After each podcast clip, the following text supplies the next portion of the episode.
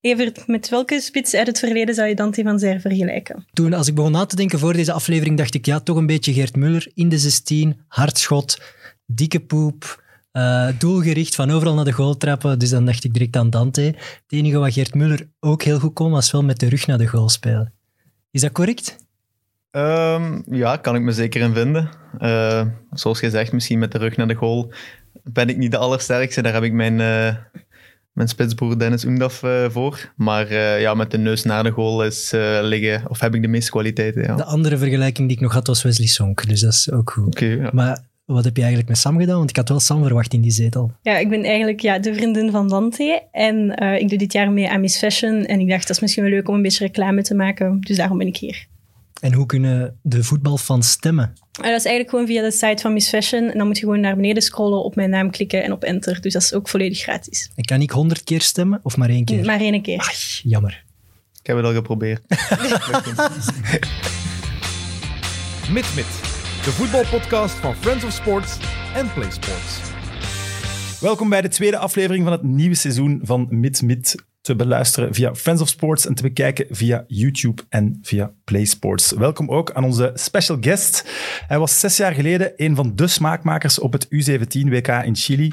Staat met Union aan de leiding in 1A. En ik wil wel eens weten wie de beste is, Dante of zijn zus Luna. Welkom Dante van Zijr. Dankjewel. Ja, we hebben haar daarnet al gezien, maar ik vind het heel belangrijk. Hoe heb je Rafaela leren kennen? Want toen jullie kampioen werden met Union, heb je dat legendarisch interview gegeven en toen was je nog single. Klopt, klopt. Uh, is even daarna gebeurd, denk ik. Ik was op de uitreiking van, uh, van Speler van het Jaar van 1B. Eh, daar werkten toevallig wat vrienden en vriendinnen van haar als hostess. en ehm, ja, die hadden mij op een gegeven moment aangesproken van... ja, daar is een vriendin van ons, Rafaela, die ja, ik moest daar eens een goed woordje voor doen, zeiden die. En uh, we kunnen eens kijken of je misschien eens uh, haar wilt volgen. En, dus, uh, alle, en in de DM's sliden. Voilà. En, volgen alleen is maar leven. nee, en zo, ja, van het ene is het andere gekomen. Hebben we uiteindelijk wel gepraat. Gek genoeg was het, was eigenlijk een beetje vreemd. We waren aan het babbelen en het was wel aan het uitdoven. En uiteindelijk op een bepaald moment toch eens afgesproken. Heel, heel random eigenlijk. En van daaruit zijn we korter en korter naar elkaar toegegroeid. Voilà. Aan het uitdoven. En dan heb jij gezegd, kom, we gaan afspreken. Ja, ja eigenlijk.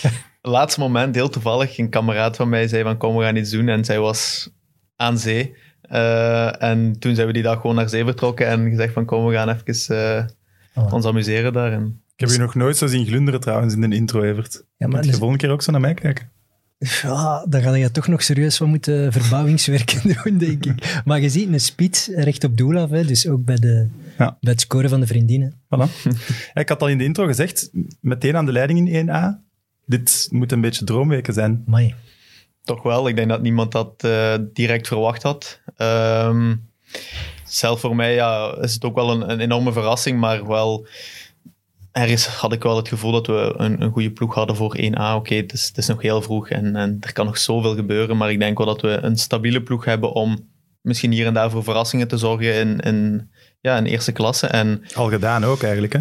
Uiteindelijk al gedaan, inderdaad. Maar ja, het is, het is nog heel vroeg in het seizoen. Hè, dus uh, ik denk dat de, de topploegen of de rest van de ploegen ook wel hun, een stabielere ploeg gaan, gaan krijgen eens die transferperiode wat voorbij is, eens dat iedereen hun vorm gevonden heeft. Uh, dus het gaat voor ons wel nog een hele uitdaging worden om, om dat niveau aan te houden. Maar uh, ja, uiteindelijk op dit moment gaat het goed. We pakken de punten en, en alle punten die we nu hebben, die, die zijn mooi meegenomen. Die pakken ze niet meer af. Nou, je moet er ook van, van kunnen genieten op de momenten dat je, dat je in zo'n flow zit, dat je goed aan het spelen bent. Je moet jezelf ook niet tekort doen als ploeg en zeggen, het seizoen is nog lang. Ja, oké, je hebt wel al negen punten gezet mee ja, met de topploegen. Het is wel waar, hè? het seizoen is nog lang. Ja, maar er zijn wetenschappelijke studies waarin dat zegt dat de eerste vijf, zes speeldagen al vaak heel veel uh, weggeven over hoe de rest van het seizoen verloopt. Zowel bovenaan als onderaan. Dat is gewoon zo. Een ploeg die goed vertrekt, die doet het meestal goed tot op het einde. Ja, het is ook, wat je eigenlijk al zelf zei, het is een beetje een geschenk geweest om al meteen tegen Anderlecht te spelen en tegen Brugge te spelen. Misschien wel. Anderlecht was nog zonder Zirkzee bijvoorbeeld. Ja, dat zien we nu toch al de laatste weken dat dat een enorm verschil was. ja, uiteindelijk is dat een beetje ook wat ik, wat ik bedoelde. De transfers die, die gaan komen zullen alleen maar versterkingen zijn voor die ploegen. Uh, het is een kwestie van tijd voor, voordat zij hun automatismes hebben opgebouwd. Uh, dus uiteindelijk was het misschien wel positief voor ons dat wij, dat wij zo snel mogelijk tegen de topploegen konden spelen.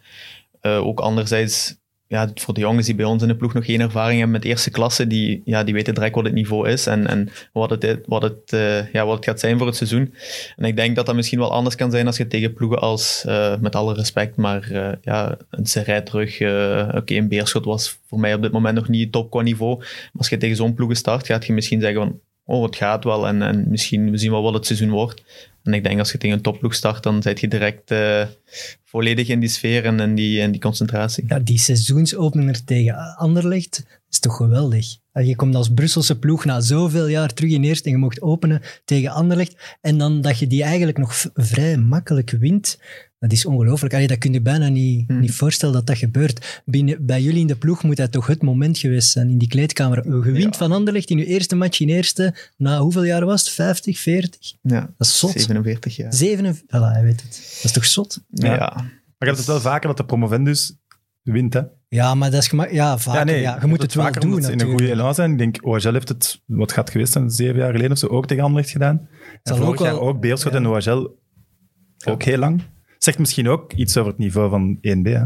Ja, natuurlijk. Eh, voor ons was het wel de perfecte opener. Ik denk dat, dat het mooier niet, eh, niet geweest kon zijn. Ehm, en natuurlijk hadden we nog altijd wel die, die klein, eh, dat klein revanchegevoeletje van, van in de beker tegen Ja. Anderlecht. hè. Dat speelde nog wel altijd mee. En, en we wilden laten zien van... Omdat we ook dat moment, of die match, hadden we toch het gevoel van er zat meer in. En we waren de Ja, eerste dat was helft... geen juiste weergave. Dat... Nee, voilà. De eerste helft speelden we echt goed voetbal en waren we op het moment echt de betere ploeg. En ik denk dat wij dat iedereen zo geprikkeld was, want uiteindelijk hebben we ook heel veel spelers van vorig seizoen die nog, die nog in onze kern zitten. Dus velen hadden dan nog in het achterhoofd. En ik denk ja, dat iedereen zo geprikkeld was om, om die match te winnen. Eh, en uiteindelijk ja, is, is dat gebeurd en is dat wel een heel mooie, ehm, ja, een heel mooie verrassing voor ons, voor de, voor de fans, voor de club eh, zelf. Dus ehm, Ik had wel ook moeten winnen van Club Brugge. Had ik het ook. gevoel. Ja. Toch? Als je dat kunt zeggen Allee, het zegt ook, zegt ook wel Ja. iets over Brugge Ja. dat ze het wel nog afmaken. Of matuur genoeg zijn om er blijven voor te gaan. Maar ja, nee, dat het is zat ook... erin, hè? Dat, het zat er zeker in. Ik denk eh, dat we genoeg mogelijkheden hebben gehad eh, eh, om Brugge te kloppen. Genoeg kansen, denk ik. Eh, en ook op momenten weer gevaarlijker als Brugge. Maar dat is ook weer die extra ervaring, de, de, de details die mee gaan spelen in eerste klasse, die, die wij misschien nog gaan moeten leren. Of, eh, en die Brugge dan op het einde wel, wel net eh, afmaakt. Ehm, maar ja, dat zijn gewoon leermomenten. Ik denk dat we, als we 9 op 12 hebben, dat iedereen daarvoor getekend zou hebben in het begin van het seizoen. Ja. Eh, maar het is natuurlijk wel jammer dat, dat het net geen 12 op 12 geworden was. Ah, ambitie. dat Ik hoor hier voor de eerste keer toch ambitie. Dat dat 12 op 12 moeten zijn. Dus dat, dat verraadt al veel van waar Union naartoe wil, toch? Wauw.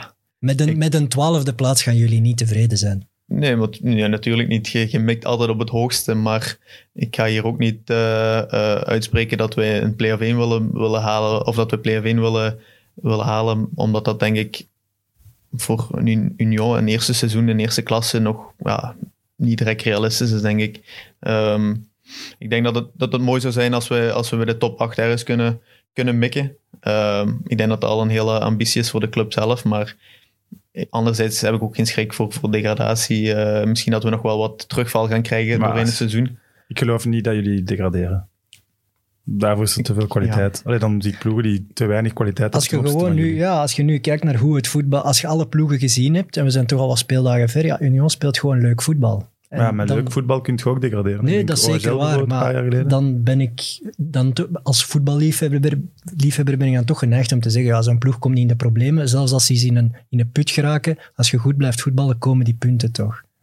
Ja, jij verleek eh, Dante in de intro met Gert Muller. Ja, Ben jij fan van eh, zo'n type spits? ja tuurlijk. Klassieker type, zeg maar? Ja, voilà, dat is het. Het is toch een type spits dat je niet superveel meer ziet in ploegen, omdat ploegen vaak met, met één soort targetman spelen die dan wat van alles moet kunnen, terwijl Dante is net echt vaak in een 4-4-2 systeem een gast die in de 16 meter heel doelgericht is. En vaak heb je nu een meevoetballende spits, een afhakende 9, een valse 9. Ja, Nee, de spits is zelfs een beetje aan het uitsterven Ja, bij echt. sommige... Voilà, en hij echt nog een spits van de jaren 90. Toen had je er zo wel veel meer. En ik zie dat wel heel graag. Het is ook een garantie, vind ik, als ploeg. Als je zo iemand in je ploeg hebt, die kan een keer goed spelen, een keer slecht spelen, maar aan het einde van het seizoen gaat hij wel bijna altijd zijn goals hebben gemaakt. En dat, allee, dat is toch een troef. Hm. Ja, je ziet er ook uit als een spits uit het verleden. Ik bedoel, niet uiterlijk nu, maar je trekt je broek ook altijd heel hoog op. een truitje erin. Dat is toch iets wat je heel weinig ziet? Ja, klopt. Nu. Maar dat is eigenlijk Is dat bijgeloof? Nee, nee, helemaal niet. Want eh, vorig jaar heb ik bijvoorbeeld met het truitje uit de broek gespeeld. Maar ik vond dat dit jaar de truitjes net iets te lang waren. En ik had het gevoel dat ik een kleedje Ah. aan had bijna. Dus vandaar dat ik hem in de broek stak. Maar dat, voelt, Eh. dat, dat voelt toch niet goed? Nee, juist. Ik zou juist denken dat je het misschien bewust doet om je... Ja, dat klinkt raar, maar om je benen vrij te hebben. Snap je? Omdat je meer Ah, controle Ja, hebt over wat je benen Ja. gaan doen in de 16. maar dan moet je wel heel lenig zijn om daar een verschil in te voelen, denk Ja. ik. Maar ja, tegenwoordig, de truitjes van nu zijn wel best eh, gecentreerd. En ik denk tegenover vroeger is, was dat ook weer anders. Die plofte wat meer. Maar eh, ja, nee, eigenlijk was het gewoon puur omdat ik vond dat ze te lang waren. En dat wat stoorde als ze te lang waren. Eh, maar eh, het heeft wel iets retro. Ja. Ik heb al Ja. veel reacties, goede en slechte, erover gehad. Maar eh, Ik vind dat het zalig. is speciaal. Ik vind dat, ja, ik vind dat cool. Ik vind, allee, dat straalt ook wel iets uit, vind ik. Van, jij hebt goesting om te spelen. Ik vind soms zo die... De slow, eh, Pi- Piqué is daar het voorbeeld van. Die kan soms zo eruit zien alsof dat, of dat hem nu naar het strand gaat of Barça Real gaat spelen. Die loopt er zo wat bij, clownesk. Terwijl nee, jij, bent klaar voor die match te spelen, toch? Dat straalt dat toch wat uit. Ja, Ik vind dat dat dan niet uitstraalt, maar wel als, je, wel als je zo goed speelt, dan is het wel baas. Maar Ja. als je een zwakke match speelt, dan, is het, ja, dan zou ik denken, hmm, Dat was een andere vraag die we ook hadden gekregen, omdat het er zo klassiek uitziet. Heb je ook oude scheenbeschermers, maar dan vermoed ik van niet. Ehm, mijn scheenbeschermers zijn eigenlijk, eh, dat doen er tegenwoordig heel veel in de voetbalwereld, maar die knippen een stuk van een zool af, van een schoenzool, en met wat tape rond. En dan is dat eigenlijk, ja, het is geen harde plastieke scheenlap, dus het is misschien niet ideaal voor de veiligheid, maar eh, ja, dat voelt je bijna niet zitten en dat, dat zet zich perfect naar je scheen. Maar dat is dan een schoen die je wel niet meer gebruikt. Nee, nee, dat- ja, Ja. nee. En ik heb zelfs inlegzolen, dus ik kan al mijn zolen gewoon gebruiken als scheenlappen, maar eh, Dat had ik wel nog nooit gehoord. Wel? De, de zolen van uw schoen, de zool van mijn voetbalschoen, die, die knip ik in de helft en dat voorste gedeelte, dat... dat echt bijna niks eigenlijk. Ja, dat is tegenwoordig zijn die lapjes niks. Hè? Ja, nee. Gre- Grealish, Hm. die, die speelt zo met zijn kousen tot vlak boven zijn enkels. Dat je denkt, zit er wel iets Ja. onder. Ah, dat heb ik ook nog nooit gehoord. Is dat hard? Nee. Nee, dat, is, dat is heel zacht, maar dat wordt... Dat iets zal wel een beetje opvangen, maar zoals hij zegt, niet genoeg beschermen. ik bedoel, dat gaat die, als je echt een, een tackle krijgt, dat, dat Oeh, je been gaat, Ja, gaat dat moet pijn doen, worden, als je daar trappen op krijgt. Ja, En we zijn dat hier nu aan het zeggen. ja, je moet match ja, tegen ja, KV ja, Mechelen. ja, ja, ja. Ja, meteen. afkloppen hier. nee, maar ja. Ik, ik, ja, er zijn er wel veel die dat in de, in de voetbalwereld nu doen. eh. Ja, toch straks Maar een berichtje sturen naar. Thibaut Peyren, of wie dat er nu ook van achter staat bij Mechelen. Dante speelt eigenlijk zonder scheenlap. Ik- En we leerden nu allemaal voor het eerst kennen, wat ik al zei, op 2K, U17 in eh, Chili. klopt. Zeg je dat bij om daarover te praten? Oh nee, dat is een heel mooie herinnering die ik altijd ga koesteren. Dat is uiteindelijk een beetje het begin van mijn naamsbekendheid, als ik dat zo, mag zeggen, in, in, in het Belgisch voetbal. Ehm, Ja, is er toen veel veranderd, bijvoorbeeld? Ja, toch wel. Eh, na het toernooi heb ik mijn eerste profcontract getekend. Dus dat was voor mij een, een hele grote stap. Eh, ook, ook in de A-kern mogen, mogen zitten eh, van Genk toen. Eh, dus zo is het een beetje begonnen, denk ik, met, eh, met de carrière. En ja, uiteindelijk daarna ook nog wel tegenslagen gehad met blessures en, en ups en downs. En, maar uiteindelijk ben ik nu de voetballer wie ik ben. Ook, ook dankzij eh, die passage op het WK. Ah, maar het is wel altijd, hè. Nee, Dante van Zijr, ah ja, dat is die spits van dat maar- jeugd-WK waar we eens ene keer een medaille hebben gehaald. Voorlopig. Maar zij nu, ik zeg iets, topassist of topschutter Voilà. wordt. En Voilà, ik denk dat jij zelfs misschien soms het gevoel hebt van, ja, maar jongens, ik ben ondertussen wel een, een profvoetballer die al vijf jaar ervaring heeft. Ja, mag, tuurlijk. Ja, uiteindelijk ben ik nu weer een andere speler als, als toen. Hè. Ik bedoel, ik heb veel meer ervaring uiteindelijk opgebouwd in de voorbije clubs. Oké, ik heb misschien wel heel veel uitleenbeurten gehad en, en misschien hier en daar wat eh, voor sommige mensen verdwenen van, van de radar door een 1B te spelen. Eh, maar uiteindelijk heeft me dat wel echt sterker gemaakt en, en ben ik echt wel vooruit gegaan in die periodes.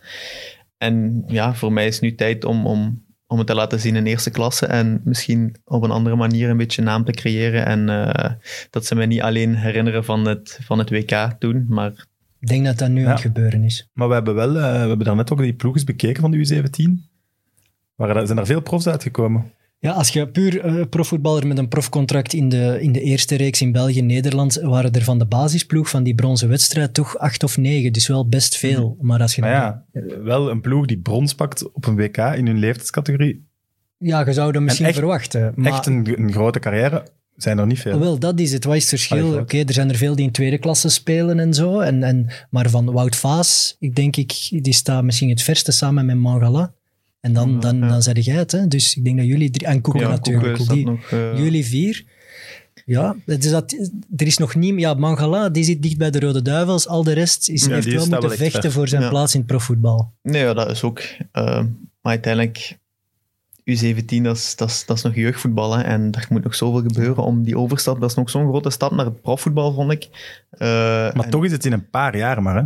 Ja, klopt, klopt. Maar uiteindelijk heb je daar nog, ja, je zit met die belofteploeg, zoals U7, U19 belofte, dat je wat bij je, bij je club eh, aan het spelen bent. En voor mij persoonlijk was dat wel een grote stap om te zeggen eh, van, ja, we gaan van belofte naar eerste ploeg. En eh, er komt zoveel bij kijken, zoveel... ehm, ja, je moet mentaal ook veel meer verwerken als je bij een eerste ploeg zit dan, dan bij die beloftekern waar, waar iedereen zogezegd nog speelt voor eh, minuten en iedereen mag wel eens eh, invallen en, en dat werkt niet meer zo bij de eerste ploeg en ik denk dat veel jongens eh, daar misschien moeite mee hebben omdat die te weinig geprikkeld zijn geweest in hun verleden of, of bij de jeugd en misschien te snel zijn opgehemeld op, op bepaalde momenten en niet het besef hebben van ja, je moet blijven werken en telkens progressie blijven maken om, om te kunnen slagen. Maar uiteindelijk zijn er ook nog altijd jongens in die ploeg die, die misschien ook iets langer nodig hebben om, Zwaar. om het nog te maken. En ik denk dat dat er voor velen nog wel... eh, Het is Ja. geen vast stappenplan dat voor iedereen geldt of Nee, zo ook voilà, niet natuurlijk. voilà. Nee, en ja, voor zo'n... Allee, gelijk dat je zegt, je bent op dat moment een lichting van 16, 17-jarigen. Ja, een, een eerste klasse kleedkamer is echt wel een ander gevoel. Je moet daar echt Ja. gaan vechten voor iemand zijn plaats af te nemen. Allemaal volwassen mannen, die Eh, spelen voor hun job. zien uw match allemaal. Ineens De, camera's de erop. reserves zijn ook Ja. maar alleen de, de freaks, met alle respect. Die Twee echt slechte zien, hè. bases, valt veel meer op. Ja, het is, het is veel moeilijker, maar je zou inderdaad denken van een generatie die brons haalt. Allee, dat hoopt je dan, dat er daar drie wereldtoppers bij zitten, maar zo werkt het dan ook niet. Ja, maar wat ik me afvraag, want jullie halen brons, maar hadden jullie papier ook zeg maar de derde beste ploeg van het toernooi? Of was dat echt alles uitgehaald wat erin zat? Ja, totaal niet, denk ik. Want eh, ik denk dat wij starten in de poelen met, eh, met een derde plaats. En we gaan, we gaan door als beste derde of een van de beste derdes. Eh, dus uiteindelijk was daar al nip-nip van, ja, gaan we erbij zijn of niet? We hadden ook wel een best ja, Pittige groep. pittige groep. Hadden ja, na- namen zoals Mali, die op dat moment niks zeggen, maar die uiteindelijk wel tweede worden op dat toernooi en wel ja, een heel sterke ploeg hadden. Eh, net zoals Nigeria, die daar eh, die wereldkampioen worden met ja, Oshimen toen. In, en, maar ja, dat zijn jongens waar je nog nooit van gehoord en je denkt, Afrika, hoe, hoe goed kan het voetbal daar zijn bij de jeugd?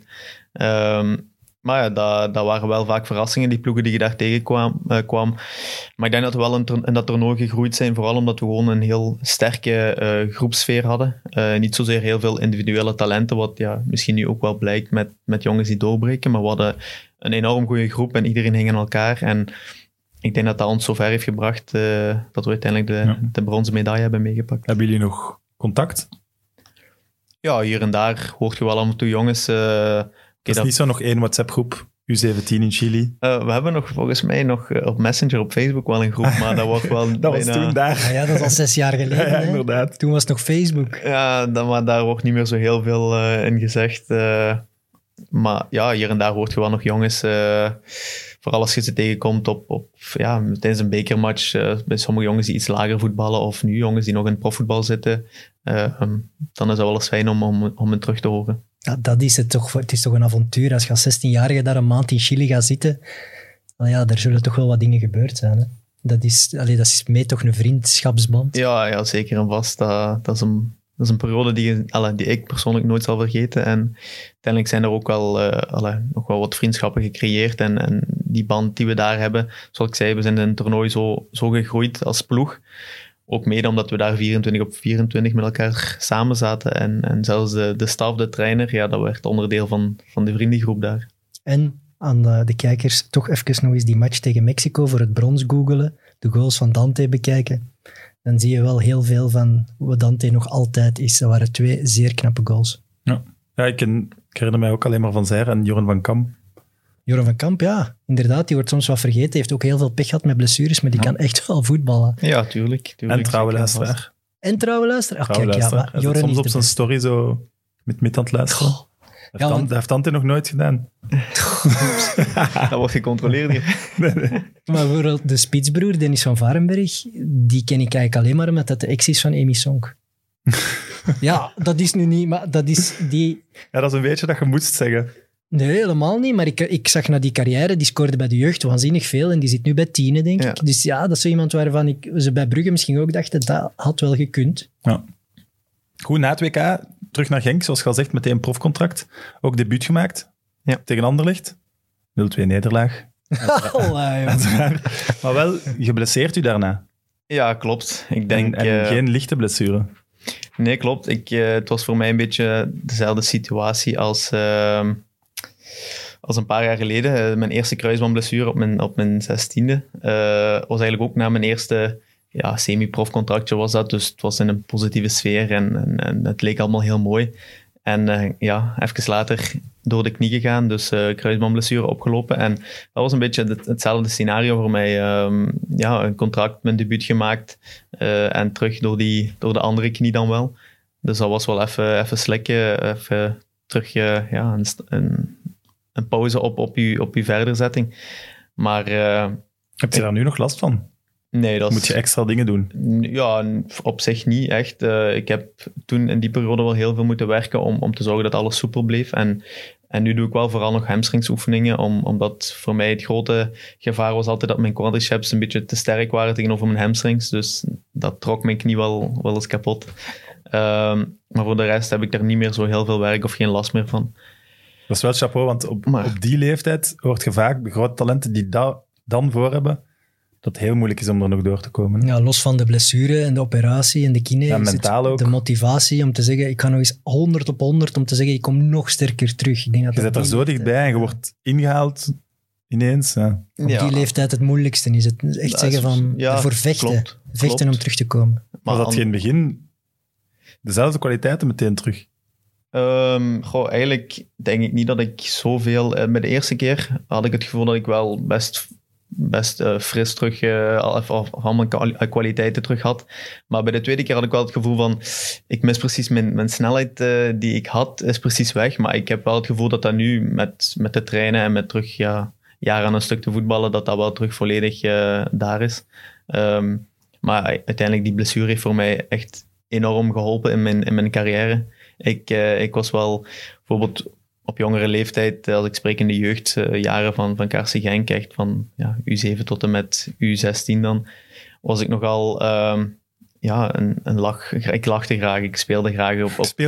Ja, zo kun je het wel noemen, maar nooit... Alle, Er is niks mis mee ook niet. Hè? uiteindelijk, het, het draaide voor mij vooral om, om plezier in mijn jeugd. En, en ik was iemand, ik had niet direct het besef van, eh, ja, als die trainer zei, dat was nog bij, ja, een verhaaltje van, van, eh, van in de jeugd, toen we echt jong waren, bij de U7, U8, moesten we al die bal, eh, moesten onze bal in onze hand houden tot we op het veld waren en moesten we wachten met, met de bal op de grond te leggen voordat, wij, voordat de trainer uitgepraat was. En ehm, ja, iedereen had met, met twee handen die bal vast en ze mochten die niet laten vallen.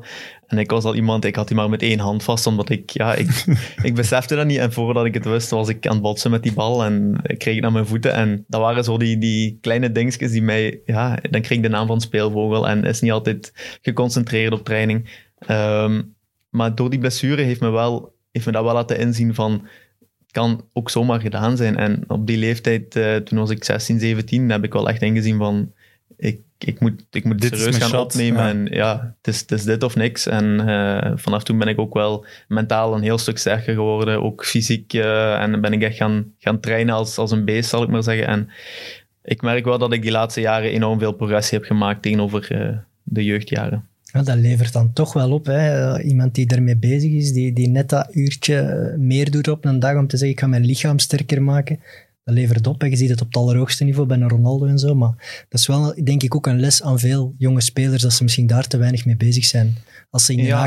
komen, je moet ook wel man worden. Je moet bezig zijn met je lichaam, met je kwaliteiten. Natuurlijk. Ja. Maar het is niet de enige carrière waar een tegenvaller misschien uiteindelijk een, een blessing bleek te zijn. Ja, Ja. Dus, hey, als je door je beide knieën zo'n zware blessure hebt meegemaakt, dan vind ik dat des te knapper dat, dat, dat je staat waar je nu staat. Ja. Ik denk dat dat wel heel uniek is. Je bent, je bent toen een jaar uit geweest. Ik denk dat bijna, bijna dag op dag, een jaar later, dat je op de bank zit terug. Goh, Maar- een jaar, jong. Ja, Ja. iets meer dan een jaar. Dat is denk ik een week meer. Maar ja, ik heb uiteindelijk denk ik tien maanden echt uitgelegen voordat ik mijn trainingen terug hervat heb. Dus eerder ik wedstrijdfit zou geweest zijn, was, zal het wel zo- al een en jaar geweest sprak. Genk dan met u? Ehm, Ja, je zat er wel een, ik ga niet zeggen, je waart nog niet echt doorgebroken, maar je zat er wel dicht tegenaan. Ja, uiteindelijk denk ik toen ja, mijn debuut gemaakt onder Peter Maas en, en teruggevallen. Maar toen uiteindelijk was er een trainerswissel gekomen. Dus eh, is toen eh, trainer geworden van Genk. Maar oké, ik zat toen bij eh, Move, Move to Cure in Antwerpen. Dus ik was heel, heel vaak niet echt op de club, omdat ik ja, drie, vier uur aan een stuk daar aan het trainen was. Eh, dus ook minder contact met de speler, met de trainer. Gekoppeld zo wel Ehm, los dan waarschijnlijk. Dus ja, en het is moeilijk om, ja, als zij voormiddag trainen en jij traint voormiddag in Antwerpen, dat is moeilijk om die band eh, te onderhouden daar. Maar uiteindelijk wel af en toe eens kunnen babbelen met, met de trainer. Maar ja, dat is moeilijk om, een, om, een, om iets op te bouwen met hem. hè. En uiteindelijk heeft het ook wel even geduurd voordat ik dan terug in die wedstrijdselectie of op de bank zat. eh, Ja, zo, ook, logisch, zo'n Stuivenberg die, die, die wist misschien zelfs niet wie jij waard. Hè? Want op Ja. dat moment waren je al aan het revalideren. En, klopt. allee, dat is ook... Ja, Hm, Dat is dan het harde gevolg van zo'n blessures. Komt er dan nog eens bij dat er niet komt een nieuwe coach. Maar Racing Genk heeft wel altijd in u blijven geloven. hè. Ja, zeker en vast. Die periode heb ik enorm veel te danken ook aan, aan de club. Hè. Die hebben mij eh, door dik en dun gesteund. En ook met qua verzekeringen. eh, omdat je ja, langer dan zes maanden geblesseerd bent, dan, dan eh, valt je normaal op, op ziekenkas en dergelijke. En daar hebben ze mij ook enorm in gesteund. eh, eh, dus dat was wel een, een, een blijk van vertrouwen. Het is een En- vraag van Stijn die ik erbij aansluit en daarom dat ik hem nu al wil stellen. Vind je het jammer dat je toen niet meer kans had gekregen of begreep je wel, ik ben te ver van dat niveau af, er moet iets gebeuren om Ja. door te breken? uiteindelijk na die blessure ehm, besef je ook wel dat, dat je terug een niveau moet kunnen oppikken. En, en uiteindelijk ben ik daarna, heb ik daarna gevraagd ook voor een uitleenbeurt om terug ja, minuten te kunnen maken en zoveel, zoveel mogelijk te spelen. Dus voor mij na, die, na mijn debuutmatch en, en die blessure ehm, had ik niet dadelijk het gevoel van ik moet nu meer kansen krijgen. Maar ik denk, het was vooral na mijn uitleenbeurt, na Beerschot, eh, dat ik wel het gevoel had van misschien is nu maar het moment om, om, om wat meer speelminuten te kunnen krijgen in Genk eh, om te antwoorden op zijn vraag. Mhm. Ja, want je wordt uitgeend aan Beerschot, maar je krijgt wel meteen een nieuw contract. Ja. Dus dat is, ze wouden wel echt nog altijd verder. Ja, zeker en vast. Ik denk dat ik eh, na het jaar van Beerschot nog, nog één jaar contract had eh, als ik terug naar Genk zou keren. En ja, uiteindelijk, als ik het echt enorm, enorm goed deed, eh, was misschien voor Genk ook een risico om, om me kwijt te kunnen geraken. Dus vandaar het contract ook. En uiteindelijk ook door de blessure die ik, dat waar ik een jaar door verloren heb, eh, is nog zo'n een blijk van vertrouwen om eh, toch een jaartje te verlengen. Ehm, en uiteindelijk ja, wel een, een degelijk jaar gehad, denk ik, in Beerschot. Zeker voor mijn Degelijk. eerste- een goed jaar. Ik denk kunnen zeggen een goed jaar. Ja, nee, maar Toch? ik, ik, ja, puur Maar qua- moet je er toch trots op zijn. Ja, ik bedoel, dat is je eerste zeker. fulltime jaar eigenlijk Zeker in en een ploeg. En ook een- iets grappig dat ik had gevonden. Je debuut tegen Tubize, meteen scoren. En later in het seizoen ook vier keer scoren tegen hetzelfde Tubize. Ja, ik denk, Wie was die verdediger van Tubize? was de zwakste ploeg uit de reeks. Hè. Ja, dat, ja maar nee, dat kan je wel zeggen. Toen, eh, die zijn dat jaar denk ik ook eh failliet gegaan, als ik Ja, me niet, eh, niet vergis. Niet de meest Ehm, stabiele ploeg is Nee, waarschijnlijk een andere verdediger in die twee matchen. Ja, maar ja, zou kunnen. eh, om nu al vorig jaar die van Serijn is topschutter geworden met zeven goals te maken tegen één ploeg. Dus ja, dat hoort er ook bij. Nu heeft de Vrij heeft er, wat is het, hoeveel gemaakt in één match? Vijf. Vijf. Ja, die is al bijna topschutter. Zo moet het wel doen, als spits. Eh, Ja. Wat herinnert jij je nog van dat Beerschot? Want dat was toen de grote concurrent van KV hè, in 1B. Ja, was echt een goede ploeg. Dat was eh Stijn Vreven. En, en ja, vooral aanvallend. Hè. Ik, een hele goede Nubisi. Met een hele goede Van Zijr. Tissoudali, die ze zelfs vaak op de bank zetten. Mhm. Als je dat op de bank kunt zetten. Voor Dante dan. Ja, ja, ja. Ja, Nu- Nubisi van Zijr, dat was echt, eh, echt een heel goed aanvalsduo. En dan op middenveld, ja, Van Nifte, Maas. Toen nog een, een hele goede Maas. Dat was gewoon echt een heel goede ploeg. Spelen de titelmatch ook tegen elkaar. Ja. Ja. Ik vermoed dat jij je die match levendig kunt herinneren, Evert. Ja, maar Dante ook, zeg. Waarschijnlijk ook. Maar ik vraag het aan u wel. omdat het voor u misschien gemakkelijker vertellen is. Ja, uiteindelijk wint Mechelen die in, in de allerlaatste minuut met Timo, maar het verhaal vooraf is, oei, is natuurlijk... eh, Dante brengt Beerschot op voorsprong. Al verraden. Ja, sorry. maar als de mensen de waarheid willen kennen, moeten ze toch tot het einde luisteren. Ja, dat, is, dat is voilà. teasend. Voilà. Maar dus in die titelmatch, Dante brengt Beerschot op, voor, op voorsprong met een penalty. En op dat moment gaat Beerschot dus naar eerste klasse. En daar is heel veel om te doen geweest dat jij volgens de KV Mechelen-fans komt uitdagen voor de spionkop van KV Mechelen Ja. met een t-shirt. Het probleem was, allee, wat dat wij wisten door, door de media te volgen, was dat Dante een t-shirt droeg voor Dries, een supporter van Beerschot, eh, die overleden was. Ehm, en waar jullie in de maanden daarvoor een hele hechte band mee hadden opgebouwd. Dus dat was een teken van steun voor die familie en voor die jongen te eren. En dat is helemaal misgelopen. En dan was er zo een rel tussen de fans van KV en dan. Maar en was het, was En het dat ook is niet, wel want wat daar stond toch spanning van in het begin op die match? Ja, Door sowieso. die voorzitter van. Beerschot, die... Ja. Dat die twee ploegen was al heel veel spanning en dan komt dat er bovenop. Ja, ze komen achter natuurlijk, dat speelt ook mee. Maar dat was wel een moment dat jij daar gaat staan met die t-shirt. En toen vlogen daar echt honderden bekertjes Ja, bier recht op je dat kop. is- Ik denk als je, als je die beelden terugziet, dat, Dat is, eh, dat is waanzinnig.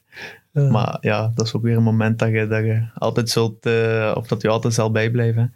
Eh, uiteindelijk was het ook een heel spannende match. Amai. Die laatste minuut. Ja, het was, dat is een vraag van Dirk. Wat ging er door uw hoofd? Want jij wordt gewisseld en 16 seconden later maakt KV de winnende. Ja, dat is op die moment zou ik je Zeg je nog je, je jasje aan het einde? Of uw Ik had de zelfs niet eens gezien. Ja, ik was me nog, allee, ik, wa- ja, ik denk dat ik me een shaker kreeg en ik was misschien op de, op de bank aan het zetten en die bal die valt binnen.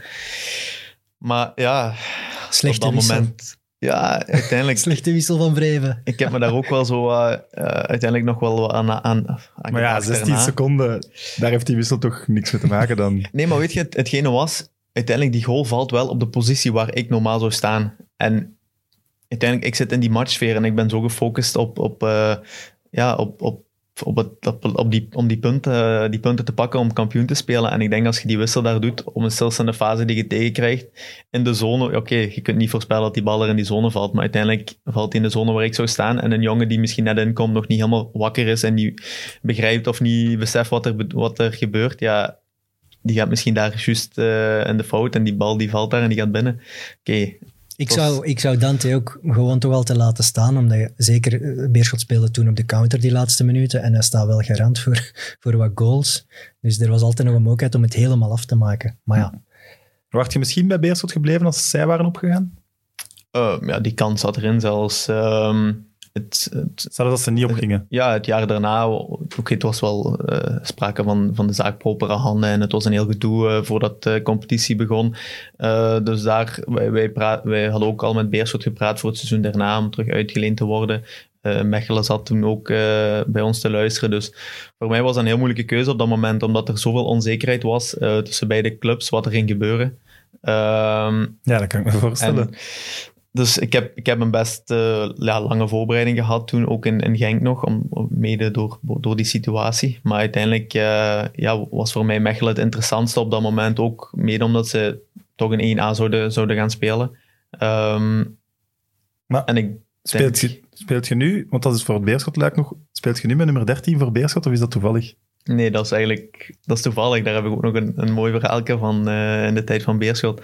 Uiteindelijk, ik heb het nummer gekozen omdat eh, mijn papa er ook mee speelde vroeger. Ah. En mama is een beetje zo, of mijn ouders houden wel van die Italiaanse cultuur en vandaar misschien ook de naam eh, Dante. Ehm, maar ook 13 is bij de Italianen bijvoorbeeld een geluksgetal en hier wordt dat vaak gezien als ongeluksgetal. En ik ben niet zo iemand die, die, in, eh, die bijgeloof, in alle bijgeloof heeft of zo, dus voor mij gaat dat, niet, gaat dat mij geen geluk of ongeluk brengen. Ehm, maar uiteindelijk toen in Beerschot, ehm, ik kwam daaraan, ik koos nummer 13 zonder het besef dat eigenlijk ja, het stamnummer 13 was van Beerschot. Dus dat was echt ja, heel, heel verrassend voor ons. En eh, ik herinner nog wat papa zei, eh, dat, denk op de open deurdag of op de eerste vriendschappelijke match, ja, iedereen met nummer 13 op hun rug en tatoeages van nummer 13. Ah, jij dacht meteen, En mijn- ik heb er al Ja, zoveel fans. mijn ouders dachten van, is die zo populair hier of wat in Beerschot? Dat kan toch niet? Maar ja, uiteindelijk kwam het besef later dat, eh, dat 13 het, het stamnummer was. En eh, ja, ook veel reacties kregen van, amai, dat is wel riskant dat, dat geen nummer 13 pakt bij Je neemt het Beerschot. druk, maar ja, per ongeluk. Maar ja, het was voor mij echt niet de bedoeling om, eh, om het stamnummer te pakken. Nesta, Nesta bijvoorbeeld speelde ook altijd met 13. Ja, Ja. Heel veel Italianen zien dat inderdaad als een geluksgetal. Na, Maar- na de uitleenbeurt van Beerschot, moet, wou je iets zeggen? Ja, ik, maar. daar, daarop verdergaand is... Van Zijre was toen wel hot. Eh, de- Mechelen was... Wij waren ook wild enthousiast dat hij misschien met Mechelen aan het onderhandelen was. Ik denk dat er misschien nog wel eerste klassers aan het azen waren. Ja, hij was Ja, maar en hot op de Hij transfer. scoort dus tegen jullie in die titelmatch, die dan wel verloren wordt. Maar de eerste match van het volgende seizoen zit hij terug bij Genk, de Supercup. Ook Ook weer. tegen Mechelen. Eén minuut, één goal.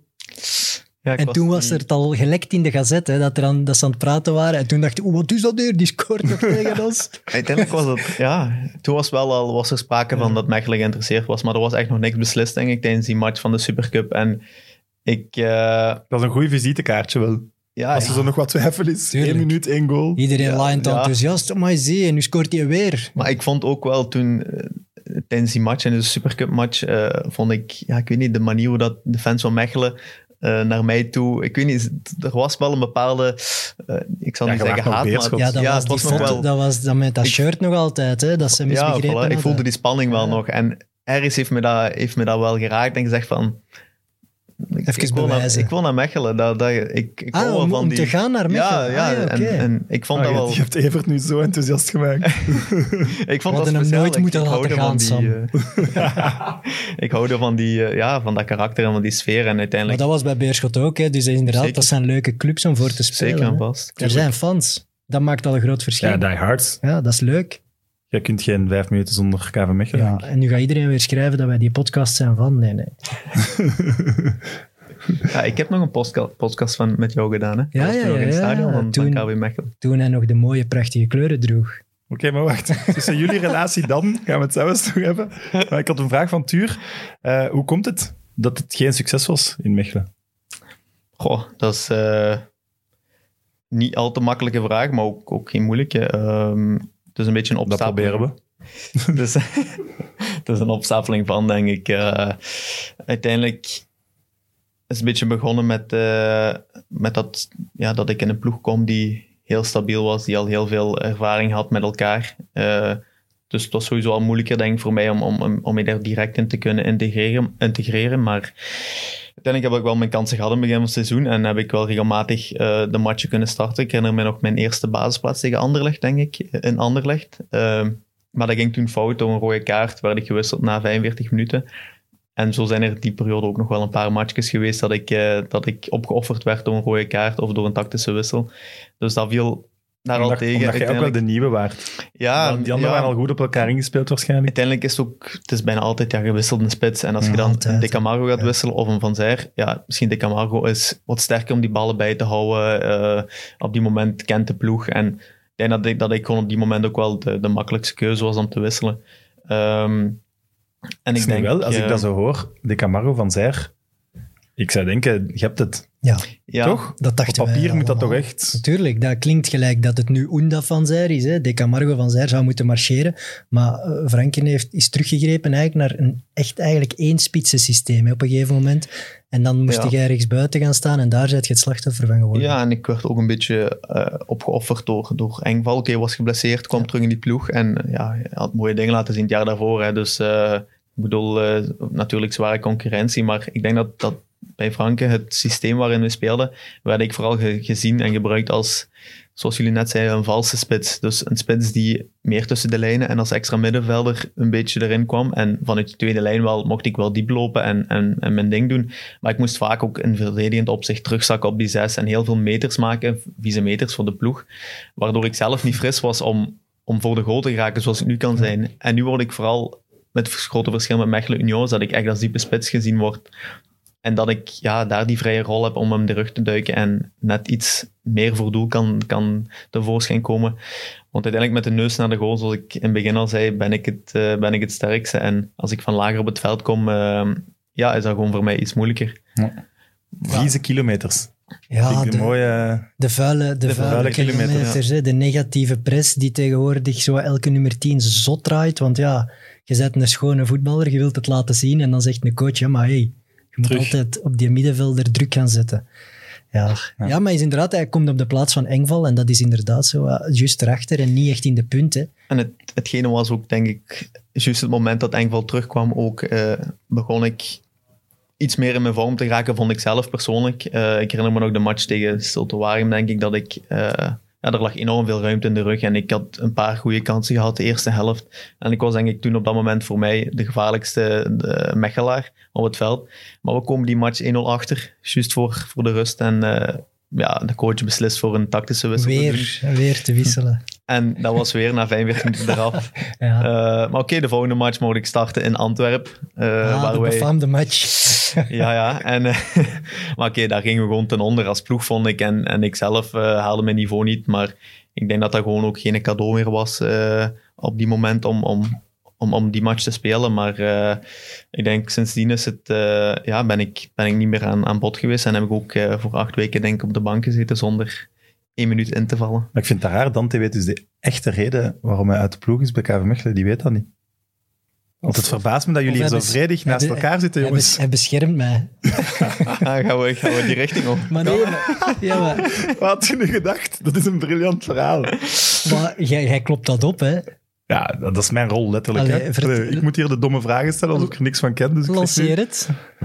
Evert, wat heb jij gezegd over Dante? Ja, maar nee, kijk. Het was Antwerp, KV Mechelen, op vrijdagavond, opening van de speeldag, ergens in november. En eh, Play Sports belt mij of dat ik... Je in maakt de je PlaySports debuut. Ja, toch? eigenlijk wel. Ja. Ja. Ik word uitgenodigd in de studio om die match mee te omkaderen en analyse te geven. En in de eerste helft waar, was KV Mechelen ja, echt zwak. Een beetje gelijk dat ze nu aan het voetballen zijn. En tijdens de rust vragen ze aan mij welke speler wil eruit lichten. Dus ik zeg, ja, doe maar Van Zijr. hè. Die heeft eigenlijk heel weinig ballen gekregen. En je wordt ook gewisseld, dat wist ik toen nog niet. Hij wordt ook gewisseld en dan daarna is hij eigenlijk nooit meer in de basis gekomen. Dus je kunt zeggen dat Franke naar de Telenet-samenvattingen gekeken heeft en mijn mening, is ge- mijn mening als belangrijk heeft aanzien, maar ik geloof toch niet dat het zo gegaan is. Nee, Want achteraf voelde ik me natuurlijk daar was slecht over, want ik ben een fan. Maar ja, slecht. Maar ik je moet... wel, als je daar als analist zit Ja, van voilà. PlaySports, moet is- je zeggen wat je wilt. Voilà, het is Maar jullie, jullie hebben daar daarna wel over gesproken. Ja, ja, we hebben dat uitgesproken. Klopt. Ik, ja, Eh, ik, ik, Kom je inhouden? ik heb hem niet een dat, is- dat de gegeven. uiteindelijk. hè. Nee, maar het- ja, kijk, dat was wel een, een situatie. eh, Jij vond dat voor kut. mij vond ik dat wel. Ja, weet je, uiteindelijk. Je leert wat er wel bij hoort. Want als jij nu een slechte match speelt, gaan ze ook, de analisten gaan ook Natuurlijk, zeggen, hij is, uiteindelijk. hij is de zwakste. ja. Dat, is ook, dat, zijn, dat zijn dingen die, die erbij horen. Maar ik vond het op dat moment een beetje ongepast. Omdat het, zoals hij zegt, hij moest er misschien iemand uithalen om wat over te zeggen. En ik vond die match waar wij alle elf vielen wij door de mand. En eh, misschien net zoals Frank ook vindt, was ik de makkelijkste om, om, om eruit te pikken. Hè. En eh, uiteindelijk heb ik, ja, ik, ik, ik voelde me daar ook niet goed bij. Dus ik heb hem daar wel toen later over aangesproken en hebben we daar wel over gehad. En, Maar wacht, wel, is het dan een berichtje sturen? Of is het dan... Nee, nee, face-to-face. ja, Ja? ja, Dat is mooi. toch Wel, eh, ik bedoel, waarom niet? eh, Ja, nee. Maar ik vond dat goed. Oh, maar ja, ik zie wel Nee, nee. zo lijkbleek. Ja, tuurlijk, Dante, tuurlijk. eh, sorry, eh, ik zal het niet meer doen. eh. Ja, maar, Nee, maar- dat blijft... Dat, de, allee, ja, nee. Ik heb ik, helemaal niks tegen hem. Ik zou juist heel graag hebben dat hem heel succesvol is. Dus daar ging het niet over. Ik denk dat het altijd moeilijk is als je in zo'n studio... Ja, je moet wel iets zeggen. Dat is gelijk hier ook. Ik kan hier komen zitten en niks zeggen. Dat is, dat is moeilijk. Maar ik, als je aan de andere doe je kant nooit. staat... Als, als Dante tegen mij gaat zeggen... Ja, maar die Evert, jongen, dat is echt de slechtste podcastman van Vlaanderen. Ja, dat gaat mij ook pijn doen. Dat ben ik... Allee, dat besef Je ik mag het Nee. nu zeggen. Heel, ik ben heel blij om hier te zitten. samen met Evert, dus, een vraag van Victor. KV Mechelen of Beerschot? Goh, ehm, moeilijk, moeilijke keuze. Toch? Ik- ja, is, uiteindelijk, ik heb geen slechte herinneringen aan, aan KV Mechelen. Oké, het was misschien een, een minder jaar, puur sportief, maar een leuke groep. En, en uiteindelijk ja, was het voor mij ook weer eerste klasse. En ik dus denk dat ik... Nee, ja, voor Je mij moet is dat, wel, is dat wel 50-50. Ik bedoel, in Ja, Beerschot hebben sportief een heel mooi gebeurt. jaar gehad. Ja, hè. en, daar trek je ook aan op. Maar anderzijds heb ik in Mechelen ook heel veel geleerd. En heb ik daar ook weer een heel goed jaar uiteindelijk eh, gehad voor mij. Puur, puur om stappen te zetten in mijn voetbalcarrière. Dus, Diplomatisch. ja, nee, dat is het is, mooi. het is- ik vind het moeilijk om tussen te kiezen eigenlijk. eerlijk. Maar begon je dan misschien te twijfelen, ben ik een E A- 1A-spits of ben ik beter in 1B? Of Gewoon, ik zou dat dan zo ergens wel, maar ja, ik ben misschien onzekerder nee, ik heb, dan niet echt, beginnen denken. ik heb niet echt getwijfeld. lachen, eh. ik heb niet echt dat getwijfeld op een- moment. Een Maar. persoonlijke ontboezeming dat jij een onzeker... Nee, maar ja, als je... Jij lijkt mij nu alles, maar niet onzeker. Maar bon. Ja, oké, als we hier nu ineens in een deftige studio zouden zitten en ik zou er eerst even moeilijk inkomen, zou ik misschien denken, ja, tja, misschien hoor ik thuis in de mid- mid-studio. Ja, dat is toch niet... Is dat zo raar? Nee, dat is compleet normaal. Voilà. Maar hij had dat niet. Nee. Nee, Ja, maar dat kan. Ik vind dat ook mooi. Allee, het is ook nu bewezen Ja, maar met alle respect, hij komt allee, bij KV Mechelen had hij ook perfect een carrière kunnen uitbouwen. Dus ik snap wel dat jij in die keren ook denkt, "Ja, ik kan hier ook in de basis staan. Het moet gewoon allemaal samenvallen. Ja, het zijn factoren, verschillende factoren die vaak bepalen of je een, een goed seizoen hebt. Hè. Ehm, maar ik denk zeker dat ik in Mechelen ook zou, zou kunnen geslaagd hebben. Ehm, Maar was een verlengd Maar- verblijf dan uitgesloten? nee, want er is uiteindelijk nog sprake geweest eh, erna. Maar eh, ja, ook mede doordat Genk eh, een best hoge prijs vroeg voor mij op dat moment om me te laten gaan, eh, is dat toen niet door kunnen gaan. En, en eh, ja, uiteindelijk Maar wacht, de want keuze... Genk had een opstapclausule van 2 miljoen, alleen of een transferclausule. Dat werd gezegd, ja. Dat werd Toch gezegd, veel, 2 miljoen. Ja, Maar veel geld. Union gaat u die zomer halen wel, maar die gaan toch geen 2 miljoen hebben gelegd? Nee, nee, nee, nee uiteindelijk ehm, hebben ze, hebben ze ja, daarover onderhandeld. Ik denk dat Mechelen ook niet dadelijk gezegd heeft van ja, oké, we gaan erover onderhandelen en we willen Dante echt zo graag om, Nee, om die prijs te doen dalen. Ik denk dat dat een beetje eh, de, de, de samenwerking was van.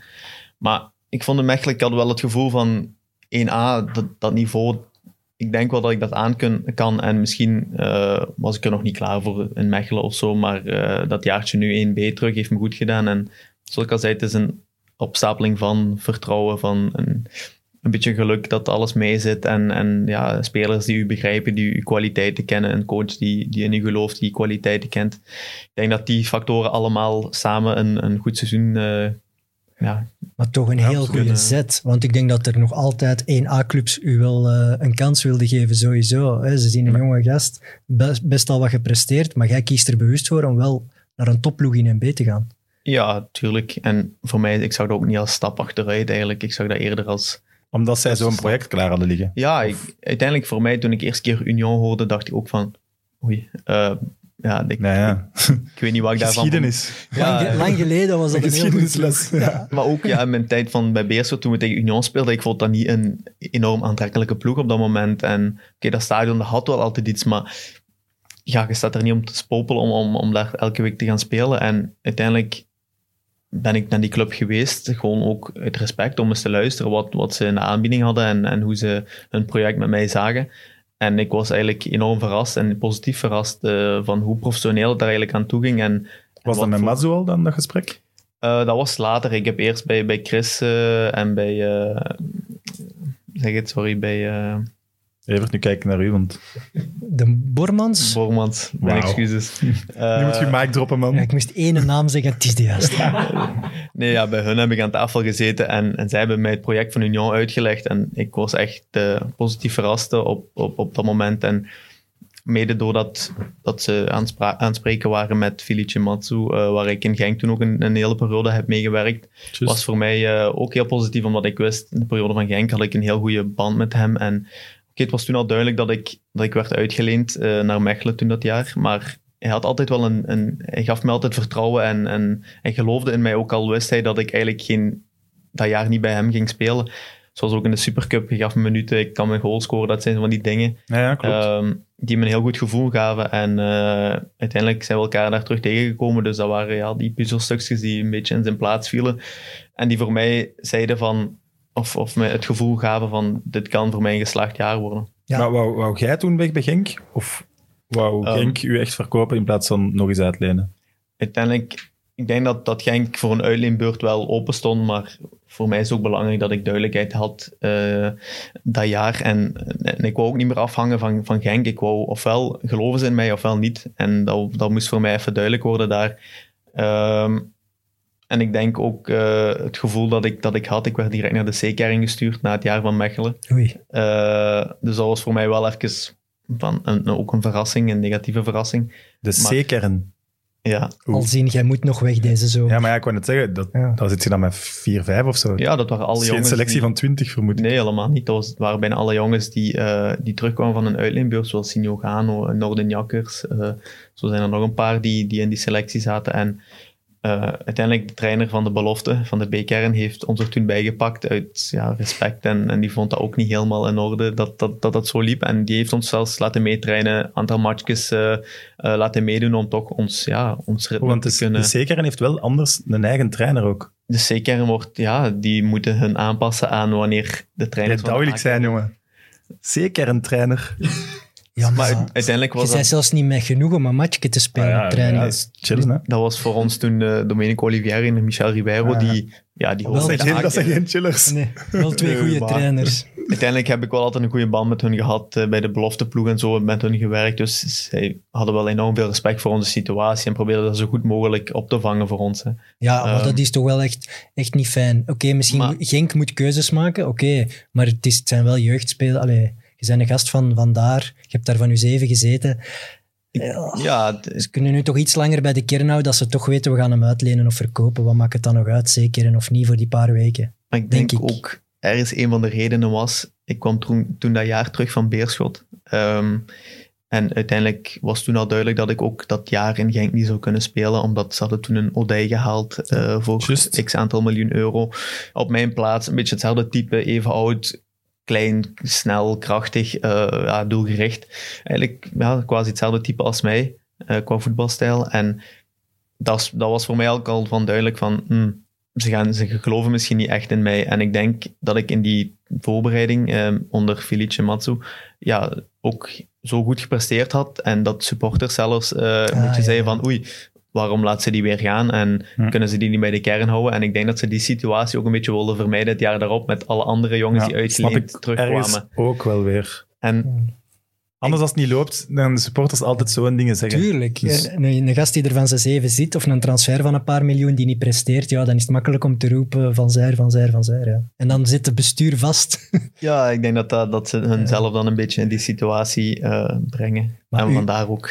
Heel schattige foto trouwens op Instagram. Ja. Ja, Als je, ik denk dat je zeven jaar bent dan, in een Genk-truitje. ja, Ja, dat kan, zijn? gewoon, ja. Ik ben er zeker van dat dat de foto is die het gedaan heeft voor Rafaela. We zouden. Zien of dat ze die geliked heeft, hoor. dat ze die nog niet geliked heeft. Ja. Nee, maar Union steekt wel zijn nek uit, hè, want Union is wel over de brug moeten komen. Hè.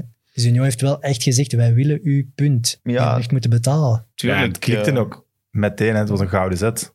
Ja, maar dat, dat is ook weer een teken van vertrouwen dat ze echt wel in me geloofden. En ehm, ik denk ook wel dat het mede door de coach uh, die, Die ook, doorgeduwd heeft. die ook zei van, kijk, dat is iemand die ik er heel graag bij wil. En ik, ik ken hem van in de periode van Genk, dus als je kunt, en je kunt misschien iets meer erdoor duwen, eh, Doe maar. doe dat dan. En ja, ik denk dat, dat, eh, dat het seizoen van vorig jaar ook een beetje het bedank is van mij aan, aan hun voor het vertrouwen en, en voor, ja, voor het kampioenschap. Voor, voor- uiteindelijk was het gewoon een perfect ingeslaagd jaar. Alles wat ik me kon inbeelden of wat ik wou eh, bereiken dat jaar is, is kunnen gebeuren. Ehm, misschien net die topschutterstitel die, waar wat discussie over was eh, met het aantal gelijke goals. Maar voor de rest eh, denk ik dat het wel een heel geslaagd jaar was. En een walkover, hè. Eh, Union is vorig jaar door de competitie gewalst, hè, zo moet je het ook zeggen. Hè. Ze staken er duidelijk met kop en schouders Maar ik denk als ze vorig jaar meededen in 1A, dat ze ook Tuurlijk. nooit in de problemen Ja. komen. Of... Allee, dat kun je nooit zeker Een weten. een slim maar wij als podcasters ploeg. moeten zoiets zeggen. Ja. Dus slim Ja, samengesteld. ja, Uiteindelijk gewoon goed hebben gedaan. ook eh, de ploeg die nu speelt, zijn heel veel jongens die vorig jaar gewoon ook in de kern zaten of in de, in de basisploeg. Dus Ik heb een vraag van Brian. Ben je buiten het voetbal ook zo close met uw spitsbroeder? Ja, uiteindelijk buiten het voetbal. Het is, ehm, het is niet dat we elkaar in onze vrije tijd gaan Nooit. storen, zal ik maar zeggen. Storen. Ja, nee, heeft Als ik dat zeg over eh, Evert, dan eh, is het kot te klein. Maar wij zijn geen vrienden, hè. Nee, voilà. dat duidelijk zijn. nee, eh, ja, uiteindelijk heeft hij ook zijn familie en gezin. En buiten het voetbal heb je ook die, die vrije tijd nodig. Maar ik denk wel, als wij op de club voor de training, na de training, zijn we wel continu bij elkaar. En ehm, ja, zij is dus ook mee geweest, eh, Rafaela, toen we eens iets gaan drinken waren. En dat- ja, we zijn elkaar telkens aan het uitdagen en aan het lachen met elkaar. En over alles kunnen wij, kunnen wij praten. En ik denk dat dat wel ook het, het, het ervoor zorgt dat wij elkaar ook zo goed vinden op het veld. eh, omdat we gewoon ook, ja, Ja, er is echt chemie, hè. ja, Hey, als je dat Evert, hebt dat met moet hij iemand- zelf niet zeggen, dan moet Nee, jij nu... Ja, maar als je dat hebt met iemand, dan moet je koesteren. Zo, want dat is zeldzaam in het voetbal. Hè, dat je voelt, er is een klik op het veld, dus je moet er dit jaar alles uithalen wat erin zit. Hè. Voor Ja. alle twee, hè. want ja, alle twee moeten in de kijker spelen. Ik denk dat hij ook beseft, met Dante kan ik shinen en omgekeerd ook. ja, dat is Dus, ook eh, zo. Ik denk dat een coach ook super gelukkig is als hij dat ziet op training. Van, maar ja, eh, die spelers zijn ook gewoon echte vrienden. Die kunnen samen meer dan... Ja, ik denk dat je als trainer dan toch altijd het gevoel hebt dat die meer doen voor elkaar dan een ander. Dat is ook Dat onbewust. denk ik wel. onbewust, die Ja. vuile meters waar we daar straks over aan het praten zijn, als je die moet maken voor, voor iemand in de ploeg, waar, voor mij bijvoorbeeld een Dennis Oendaf, eh, ja, dat, dat doet je met je ogen dicht. Dat, is gewoon, dat gaat automatisch, omdat je daar niet bij nadenkt, dat voelt je niet. Ah, dat voelt je niet. En ik denk dat dat ook gewoon de kwaliteit is van heel de ploeg op dit moment. Wij hangen zo Hoeveel assists heb je ook al gegeven, hè? Alle Ja. twee. Ja, Hoeveel? ik heb er nu drie. Veel? Ehm, Voor een spits die Van zijn vier golen dan drie. eh, ik moet denken twee zeker aan hem. En, ehm. Want ze hebben... Was die klikker ook en aan Senne, ja, deze Ja. match. Ja, een echte klopt kenner? Iemand die het echt wel beter weet dan ons. ja. Maar was die klikker meteen? Ja, eigenlijk heeft dat niet lang geduurd, want ja, ik kwam erbij en uiteindelijk zag ik hem in het begin als concurrentie. Ja, ik Ja. wist niet hoe dat de trainer ging spelen. Voor mij, oké, het was een ander type, maar toch, ja, je stelt zoveel vragen en je leert elkaar beter kennen, je begint samen wat te spelen en je merkt gewoon dat je heel complementair bent tegenover elkaar. En ja, mede dankzij dat heeft zijn we ook al, alle, mede dankzij dat het goed ging op het veld, zijn we ook gewoon heel goed naar elkaar toegegroeid buiten het veld. En ja, tot de dag van vandaag eh, is dat nog niet veranderd en voel elkaar nog altijd heel goed aan. En ik weet niet, hij, hij weet ook perfect wat ik kan met de bal en zonder bal. En ik weet wa- waar, waarop, ik kan, eh, waarop ik hem kan, kan vertrouwen eh, op het veld. En ja, dat zorgt voor die, die magie, denk ik, waarover jullie spreken. Magie. Maar het is ook voor die andere negen op het veld. Hè. Wat wilt je als ploegmaat?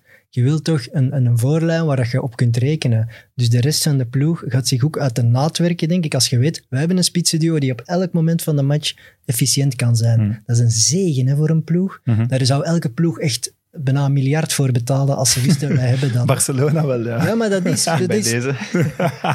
Voilà. Maar dat is toch het allerbelangrijkste. Zekerheid over goals. Dus als je dat hebt als ploeg, ik denk dat heel de ploeg naar een moog wordt getrokken door een goede voorlijn. Kijk, je kunt een goede wingback zijn, of een goede centrale verdediger. Dat is ook leuk, maar dat is toch niet zo beslissend als een goede voorlijn. Nee, uiteraard. Andersom kunnen wij ook wel zeggen dat wij ook mede door Ja, de spelers zeker. achter ons Ja.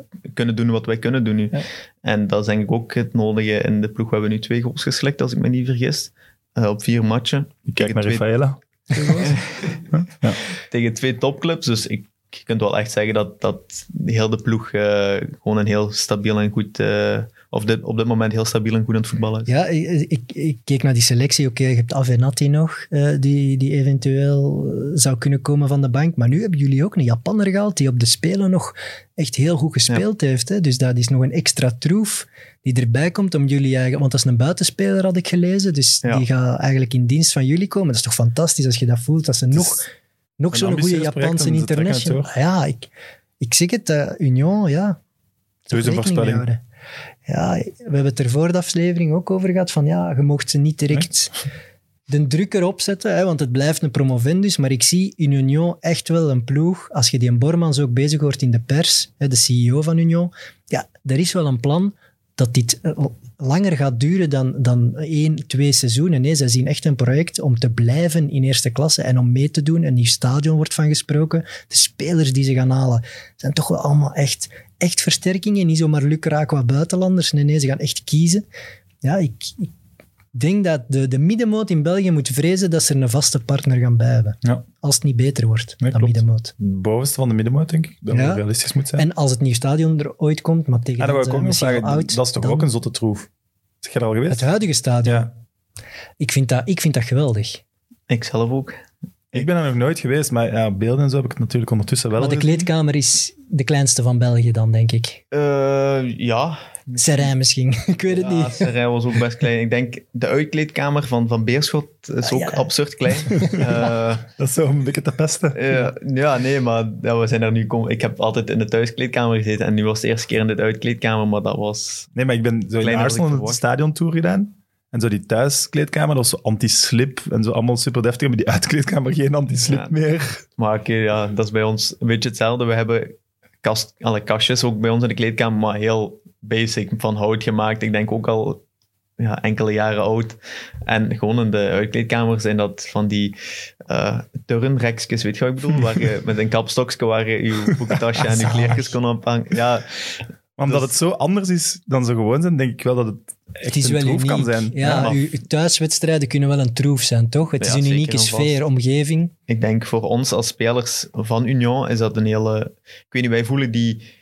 Ja, ook die magie in het stadion, hè, die sporters. Wij weten wat we kunnen verwachten als we naar een stadion komen. We weten dat we misschien niet de meest luxueuze kleedkamer hebben, maar we weten wel eh, ja, dat dit hetgene is waar we voor vechten. En, en uiteindelijk eh, de, de spelers of de, de clubs die in het stadion komen, die schrikken misschien van oei, waar zijn wij in terecht gekomen? En die zijn Ja, niet klaar voor die, voor die Toch? uitdaging. De Raja, de Raja nu naar het Dudepark, uh, die zo- zo sloeven dat wat Tourenreksje moet hangen, die is Inter Milaan en zo gewoon. Hè. Ja. Dat- Ja, ja. Dat is voilà. cool, hè. ja. En ik, eh, wat ik ook vind, dat zo zonder dak, hè, drie vierde van het stadion is een open bak, gelijk dat ze dat zeggen, ik vind dat geweldig. Dat is- Als er dan sfeer is, dat geeft zoiets. Zelfs als het hard regent en die supporters staan daar uit, gewoon. Ik vind dat echt geweldig. nee.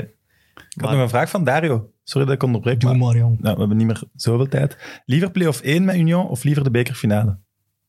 Oeh, Niet zeker dat je wint. Nee, moeilijk. play-off 1 eh, winnen? Ehm,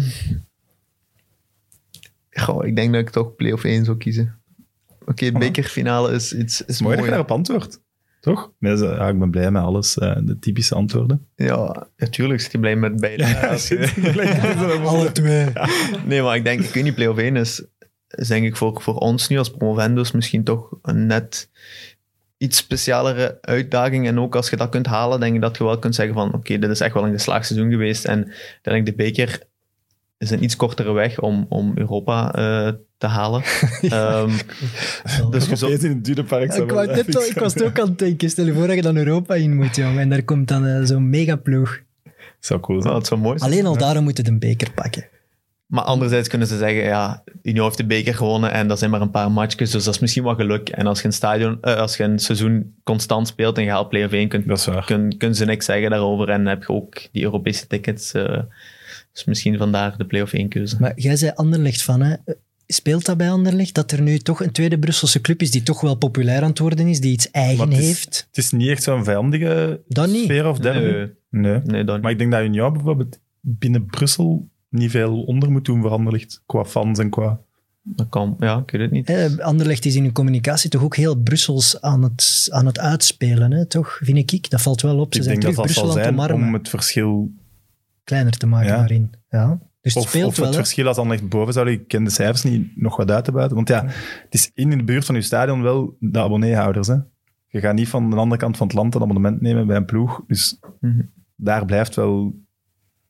Nee, dat is waar. Ja, je dat is kijkt waar. niet Bij- je bij- kijkt nee. bedenkelijk, maar... Ja, maar ja, bij Club Brugge is dat, wel vullen. bij. Club, Club Brugge en Anderlecht is dat wel. Die, dom, die pakken heel het land bijna met, met supporters. Bij Union zal het inderdaad niet zijn. Die moeten Brussel voor hun winnen. En ik denk dat Anderlecht daar toch wel scherp voor moet zijn. Ja, absoluut. Na, na hoeveel doelpunten zeg je tevreden dit seizoen? Mhm. Gevaarlijke vragen. Gaan ze me misschien op afrekenen op het einde van het seizoen. hè. Wij, wij alleszins. Nee, nee, nu draait je het om. Wij wouden een beloning Ah, ja, doen als je het haalde. Oh, man. Ah. Niks afrekenen. Ah. Nee, ik weet het niet. Ik denk als spits ehm, is 15 gewoon een mooi gemiddelde, denk ik. eh. Dat is. Wauw, ja, ik wou zeggen dubbele cijfers, Goed. maar 15. Ja, het is, het is niet makkelijk, hè. helemaal niet. Laat me, laat me dat duidelijk maken. Maar ik denk als, als spits moet je wel ambitie hebben. En, en Maar die van Danny stellen niet mee, hè? Alleen nee, die nee, van... nee. Oké, Nee, maar dus weet het niet. 15 goals, we klokken daarop af. Ja, Als je dat dus is, 15 eh, goals maakt, dan gaan wij een, een attentie, had ik opgeschreven, denk ik. Een attentie Een voor hulde. u. Een hulde. En jij, hij kent Maarten Verdood, dus hij gaat regelen dat we dat zelfs op het veld voor de aftrap mogen geven. Dat is de... Als jij er Een 15 extra maakt, motivatie. dan doen wij de hulde echt voor, eh, bij de aftrap van de match, na uw 15e. Hè, de Maarten moet allemaal fixen dat wij dat mogen doen. Maar het gaat echt wel cool zijn, dus het is echt belangrijk dat je het haalt. Ja, niet, eh, niet We hebben nog geen idee wat het gaat zijn, maar hij zit er nu al te zeggen dat het cool is. verschieten als ik er dan tegen Mechelen een paar binnenknallen. Dat is, dat is het volgende. Daar, daar gaan we het over hebben. Ik wou het nog eerst hebben over uw, over uw zus. Want er is mij ingefluisterd dat zij wel bij de grootste talenten van België wordt. Ja, eh, het is moeilijk om dat over je eigen Over dingen zus? te... Ja, over mijn, ja, ik bedoel, dat is Ik kan dat zeggen over in mijn zus, ogen- zij is het niet. Nee, nee, voor mij, in mijn ogen is, is, is Luna eh, ja, een enorm goede voetbals, eh, voetbalster. Op dit moment doet ze het ook heel goed. Ze is nog heel jong ehm, in de ploeg van Leuven. Maar het is, het is moeilijk om, om voor, ja, in het vrouwenvoetbal om, om het te maken, zal ik maar zeggen. Zeker hier in België. Het is nog niet genoeg geëvalueerd om te zeggen van we kunnen daarvan leven en we kunnen echt wel iets, iets moois eh, opbouwen met, met, met het voetbal. Dus daarvoor zou, zou je eigenlijk al naar het buitenland moeten gaan en moet dat de ambitie zijn. En dat is misschien niet makkelijk als, als, als vrouw en zeker als, als ja, mijn zusje is nog maar 18 op dit moment, dus om dan ergens te gaan vertrekken eh, naar het Maar ze heeft buitenland. wel alleen- gedebuteerd bij de Flames. Ja, wel een vriendschappelijke match Ja, inderdaad. oké, Eh, maar ze is wel heel jong. dus- En als je dan een vriendschappelijke wedstrijd mocht invallen, Klopt. Dus- zegt toch iets. Ook Via de Flames moet het. Hè? Ik denk, de Ja. Flames, daar kijken die buitenlandse ploegen zeker Ja, naar, zeker en vast. Maar op dit moment doet ze het heel goed. En ik hoop, eh, ik hoop dat, ze, dat ze zo kan, kan verder blijven evolueren. Dus eh, Ga je soms kijken? Als ik tijd Dat heb, probeer ik wel zo vaak mogelijk te, te gaan kijken. Maar dat is niet makkelijk. Zoals vorige week speelden ze ook op dezelfde dag als mij. En een paar uur later, ja, dan ga ik niet op tijd in Leuven of waar ze speelt. Maar ik ga proberen mijn best te doen om hier en daar wel matchjes te kunnen meepikken. En anderzijds eh, is het nichtje van Rafaela speelde ook met mijn zus in de ploeg, heel toevallig. Ah, voilà. Eh, dus dat is ook weer een reden te meer om Jullie mocht eh, niet te gaan gaan. hè. Dat is, er zijn zoveel linken. Dat moet Ja. toch zalig zijn, jong broer en zus, die alle twee op dat niveau terechtkomen. Ik vind dat wel... Ja, maar ik vroeg me wel af, jullie hebben toch niet veel samengespeeld als kindje? Zo in de tuin en zo. Jullie scheelt vijf jaar en zij is dan nog met alle respect maar een meisje. Saf- ja, Safa eigenlijk wel. Ja? Het is, eh, we gingen altijd... We, Ik bedoel puur fysiek, hè, trouwens. Voor ik Ja, nee, half. Twitter over me heen krijg dat ik eh, hier zeg dat een meisje dat niet zou kunnen. Maar ja, fysiek, als je aan het opgroeien bent, vijf jaar verschil. Natuurlijk. Maar ze heeft uiteindelijk ook al altijd bij de jongens gespeeld. Dus fysiek heeft ze haar wel haar mannetje kunnen staan. Maar natuurlijk, vijf jaar is enorm veel. En ik ging ook niet tegen haar één op één matchjes eh, spelen. Wel En- panas.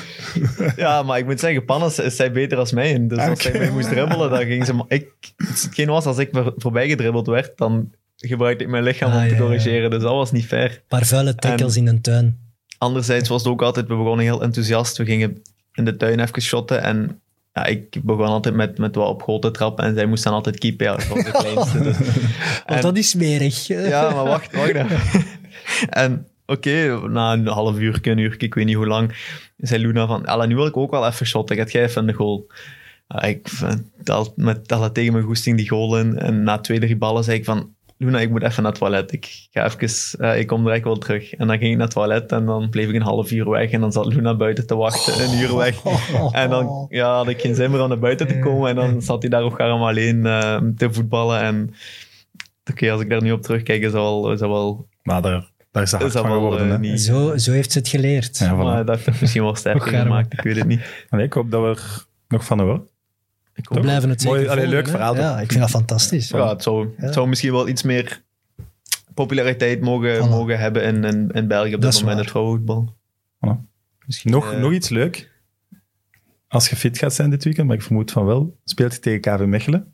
En Evert wil een tegenprestatie doen als je scoort. Als je scoort achter de kazerne, wat toch wel de moeilijkste opdracht ter wereld is, dan verdient je het ook wel. Die matchen dat ik geweest ben, niet. Maar- Nee.